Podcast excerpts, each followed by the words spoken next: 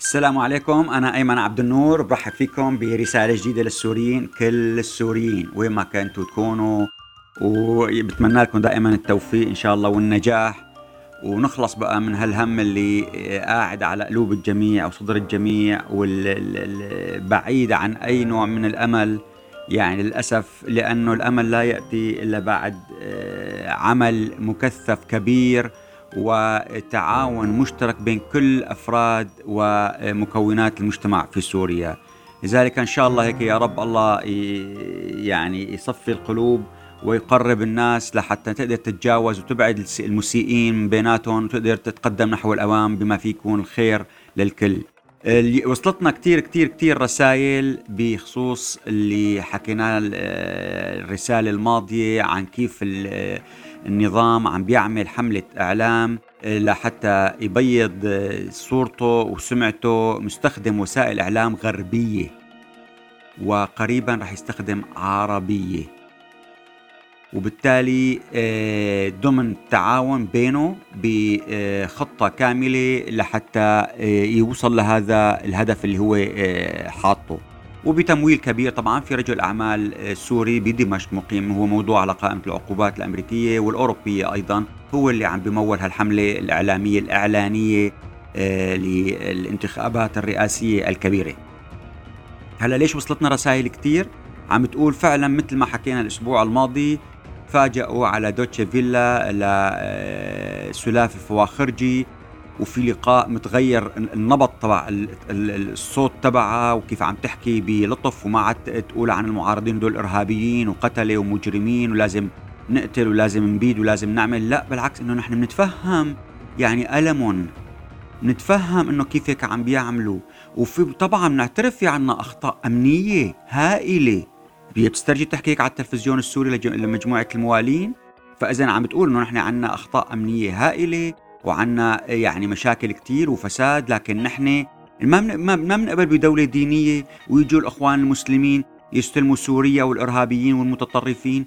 تماما نفس التكتيك اللي حكيت عنه اللي عم بدربوا عليه الكل فنانين ومثقفين وشعراء ورياضيين اللي راح ينشروهم في كل وسائل الإعلام في العالم بأنه يكون أنتم ردكم بسيط لا تشنجوا المتلقي. وبتكونوا بشكل لطيف لحتى تقدروا آه، تستوعبوا المشاهد وتقدروا توصلوا صورتكم إنه أنتم واعيين ونعرف إنه في عنا أخطاء لكن ما في بديل.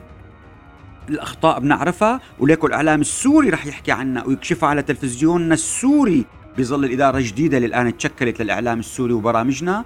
وما ناطرين حدا يقلنا على أخطائنا وعم نشتغل لحتى نصلحها. وبتحبوا أنتم تكشفوا الأخطاء؟ شرفوا على سوريا. نعم أهلا وسهلا فيكم. تفضلوا شاركونا نصلح الأخطاء. وأنتم يا مخ... يا خبراء السوريين المقيمين برا واللي عندكم خبراء خبرات بعلوم كثير من الطب والهندسة والعلوم وتطوير الإدارة وتطوير أي العلوم الأخرى. وعندكم مهارات صارت كثير كبيرة طورتوها برا. أهلا وسهلا فيكم البلد مفتوح لكم شرفوا شاركونا. وساعدونا لنوصل نحن وياكم.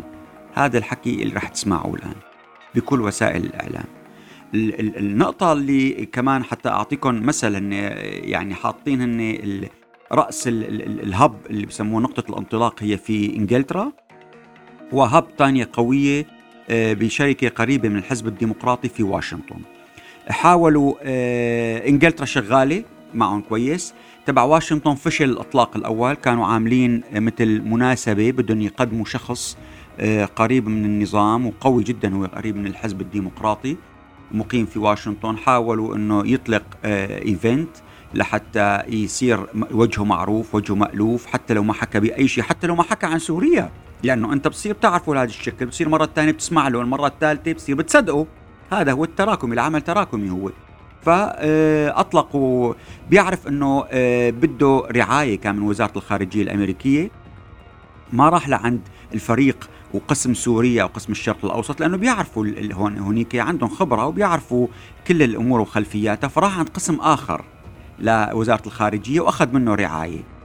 قبل ما يقيم الحفل والتواصل واللي هو كان بده يضم مع السوريين كلهم كشف يعني في جهة كشفت الأمر لأنه بتقدر تطابق بين الأسماء وبين الأسماء اللي والمعلومات اللي بتجيها من دمشق. نحن للأسف الشديد هي المشكلة اللي عندنا اللي الخبراء اللي خبراء سوريا آه، في المتواجدين في واشنطن بياخذوا المعلومات من الإعلام ما بياخذوها من داخل سوريا من ما بياخذوها من داخل النظام ما عندهم ليعرفوا شو صاير هنيك لأنه فهي الجهة كان عندها المعلومات المتطابقة طابقت شافت في شيء متطابق بين اللي وصل من هنيك وبين اللي عم يحدث فقدمته لجهات أخرى تم إلغاء الإيفنت. اذا هدول ما قاعدين رح يضل يستمروا وبشكل مستمر. هلأ كمان إذا بتلاحظوا الشغله اللي هلأ فتحوا باب جديد للقصة اللي هو للمغتربين وكيف بدهم يرجعوهم لسوريا وإنه صدرنا مفتوح وشرفوا استغلوا حادثة بشري. بتعرفوا اللي صار أنت بلبنان كيف صار هالخلاف بين الشاب السوري واللبناني؟ وتوفى آه، رحمه الله الشاب اللبناني. قاموا قرايبينه والناس وحرقوا يعني لبعض أملاك السوريين الموجودين هناك وطردوهم من المدينة والقرية وقتلوا ثلاثة منهم. يعني شغلة عجيبة هي. طبعا الشغله ما صار لها 23 نوفمبر يعني هلا ما شاء الله كم يوم القصة. فمين اللي استغل الوضع؟ نعم وزارة الخارجية السورية مو ال ال ال ال ولا أي جهة سياسية للمعارضة لأنه كانوا مشغولين بشيء ثاني فهدول وزارة الخارجية المغتربين قدمت نفسها هي رعاية السوريين حتى المعارضين في أي مكان في العالم. نحن أم الصبي. نحن اللي بتلجؤونا نحن الشرعيين نحن اللي عنا السفارات وبنقدم لكم كل التغطية والدبلوماسية في أي مكان بتكونوا فيه بالعالم. طلعوا بيان إنه نحن بندين هالشيء لكن نطلب أيضا من الحكومة اللبنانية إنه تحقق وما يصير في رد فعل ضد هذا الحادث الفردي وإنه الجمهورية العربية السورية تدعي المواطنين السوريين لأجبرتهم ظروف الحرب الظالمة على مغادرة البلاد. للعودة إلى وطنهم والعيش بكرامة وأمان وراح تقدم لهم كافة التسهيلات لهذه العودة. هذا بيان رسمي من وزارة الخارجية السورية. طبعا بعد هالخناقة والمشكلة في 270 عائلة سورية رجعت غادرت المنطقة لأنه خافوا يتعرضوا لقتل. طبعا هلأ في ناس ممكن تقول إنه هذا كل هالقصة تركيبة أو إنه تم الركوب عليها من قبل السور السوريين الموالين والخارجية السورية. صحيح لكن هو سبق مين الأشطر. هي هذا هو السبق السياسي فحققوه. هلا في موضوع ثاني كمان أيضا فتح بوابه جديدة اللي هي التعاون بين مصر والاردن والإمارات والسعودية والأردن. أربع دول عملوا اجتماع بمصر.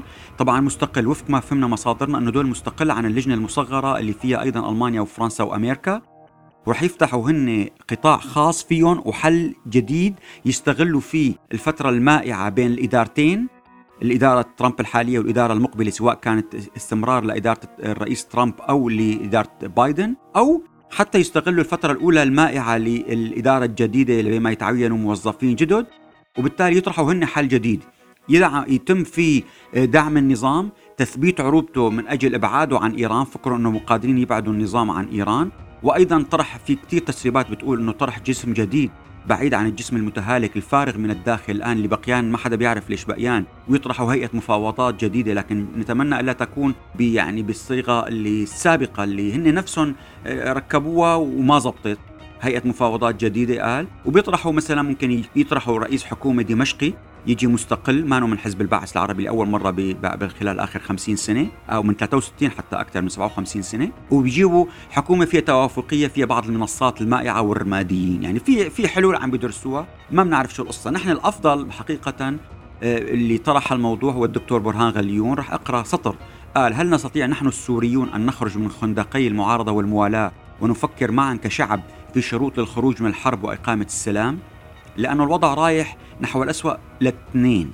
هلأ بنجي لنقطة ثانية اللي هي آه، في وسيلة إعلام ألمانية آه، آه، حكت عن إنه بلش الآن المحاكم في ألمانية والقضاء الألماني يقبل الدعاوى الكبرى بخصوص المجازر الكيماوية اللي نفذها الجيش اللي التابع لنظام السوري. وقبلت المحكمة تسجيله وأحال المدعي العام لوحدة التحقيق في الجرائم الحرب. هلا هون في نقاط جدا مهمة خلينا نحكي. التقرير آه، قصير ما كان كافي ليحكي. في عدة آه، منظمات عم تبحث بهذا الأمر. الأولى اللي هي تابعة لمنظمة حظر الأسلحة الكيماوية. واللي وجدت ب 61 تحقيق ب 61 حاله انه النظام انه في هناك استخدام للاسلحه الكيماويه بغرض عدائي ما حددت مين استخدمها لأنه هي مهمه تشكيل اللجنه ما طلبت انه تحديد من الجهه التي حققت هذا الاستخدام الكيماوي السيء في جهه أخرى اللي هي المجلس الامن الدولي كمان عمل اي اي تي للتحقيق وأيضا هناك في جهة دولية مستقلة محايدة هي ال triple I M أيضا كمان عم بتحقق. وفي الجهة الثالثة الرابعة اللي هي JIM ال J I M اللي كمان عم تشتغل وهي اللي كشفت آه، آه، خان شيخون وكل النقاط وكل الاثباتات اللي فيه. وهناك إثباتات صوتية وفيديوهات ووثائق ورقية تطال كل المتورطين لأن القانون الألماني هو يلاحق سواء من أصدر الأمر أو من علم بالأمر الاستخدام الكيماوي أو من كان ينبغي أن يكون على علم بالأمر. وهذا هو القانون الألماني وعنده الولاية القانونية الدولية بشكل إنه يلاحق الجرائم الحرب والجرائم ضد الإنسانية واستخدام السلاح الكيماوي خارج حدود ألمانيا وبالتالي توصلوا بالوثائق وصولا إلى رأس الهرم اللي كان أعطى الأمر هو ماهر الأسد بتفويض من القائد العام للجيش والقوات المسلحة. هلا هذا رح يديرنا يديرنا لنفتح ليش اختار آه، آه، رئيس النظام بشار الأسد السفير بسام صباغ ليستبدل في بشار الجعفري بدلا من حسام آلا اللي هو أكثر قربا من خلال عمله في مركز الأمم المتحدة في جنيف من مركز الأمم المتحدة في نيويورك من مركز بسام صباغ. سألنا في دمشق الجواب أجانا كالتالي. النظام خايف جدا جدا أنه سنة الجاي تكون هي سنة وضع الأسلحة الكيماوية ومخالفات النظام على الرادار الدولي. وبالتالي بدها تصير في كتير جلسات في مجلس الأمن الدولي بده شخص يكون يفهم بالأسلحة الكيماوية أبعادها ملفاتها شو صار بالبعثات اللي راحت على سوريا شو المخالفات كلها بالكامل. وبالتالي مين هو سفير سوريا في منظمة حظر الأسلحة الكيماوية مزبوط مثل ما قلتوا هو بسام صباغ اللي نقله لنيويورك. لأنه هذا أجدر واحد يحكي عن قضايا مخالفات الأسلحة الكيماوية لأنه هو ابن ابن القصة. هلأ النقطة اللي أثارت الانتباه في الشام إنه الجعفري تاخر ليجي رغم إنه هو باقي له لراس السنة لأنه هن أعطوه فترة الالتحاق شهرين حتى ما نعجل ونقول انشق وما انشق وما بعرف إيش آه القصة. آه الجعفري على خلاف شديد مع فيصل المقداد اللي صار وزير هو نائبه وهذا الخلاف كان علني يعني كانوا يسبوا بعض بالرسائل المشفره وبعد ما تجي الرسائل والمراسلات بيناتهم يفكوا الترميز بمكتب الرموز ويوزعوها على المدراء بوزارة الخارجية فيها انتقادات شديدة ضد بعض وتهكم منهم. فالآن كيف بدهم يعيشوا مع بعض؟ ما حدا بيعرف. هلأ أيضا النقطة الثالثة آه، منظمة سوريون ومسيحيون من أجل السلام عملت ندوة جدا مهمة عن وضع المسيحيين بسوريا بتاريخ 20 نوفمبر تشرين الثاني من كم يوم على هامش المؤتمر الوزاري الثالث لدعم الحريات الدينية والمعتقدات اللي عقد بوارسو.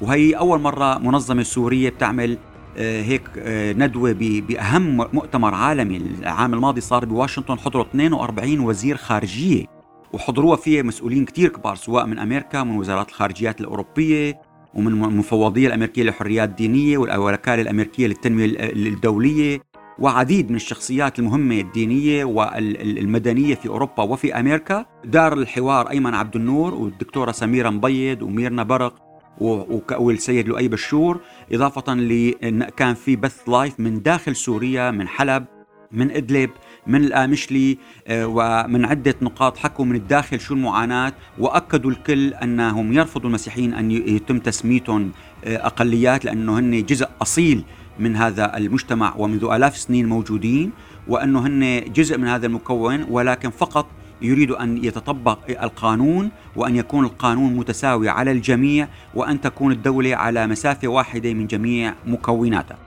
هلأ نجي لنقطة أيضا آه، بعض الأخبار المهمة.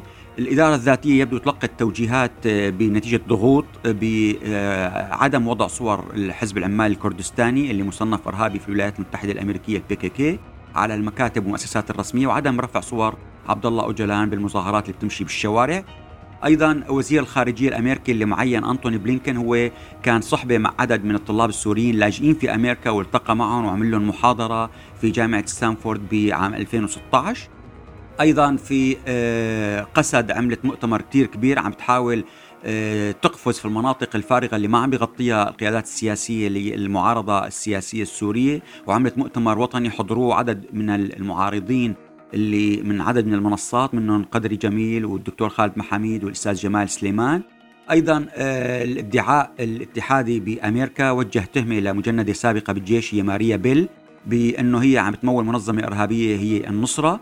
هلأ هي هي معروفة ماريا بيل كانت تشتغل بقضايا طبية هي ما طبيبة لكن بقضايا طبية. كانت تحضر العديد من الأنشطة اللي تتحدث عن سوريا. لذلك الواحد بده يكون حذر اللي وقت اللي بيلتقي مع أي أشخاص أو مع أي أشخاص من داخل سوريا في المناطق اللي فيها النصرة في داخل سوريا لأنه ممكن يكون يخضع لقانون العقوبات وممكن ينسجن.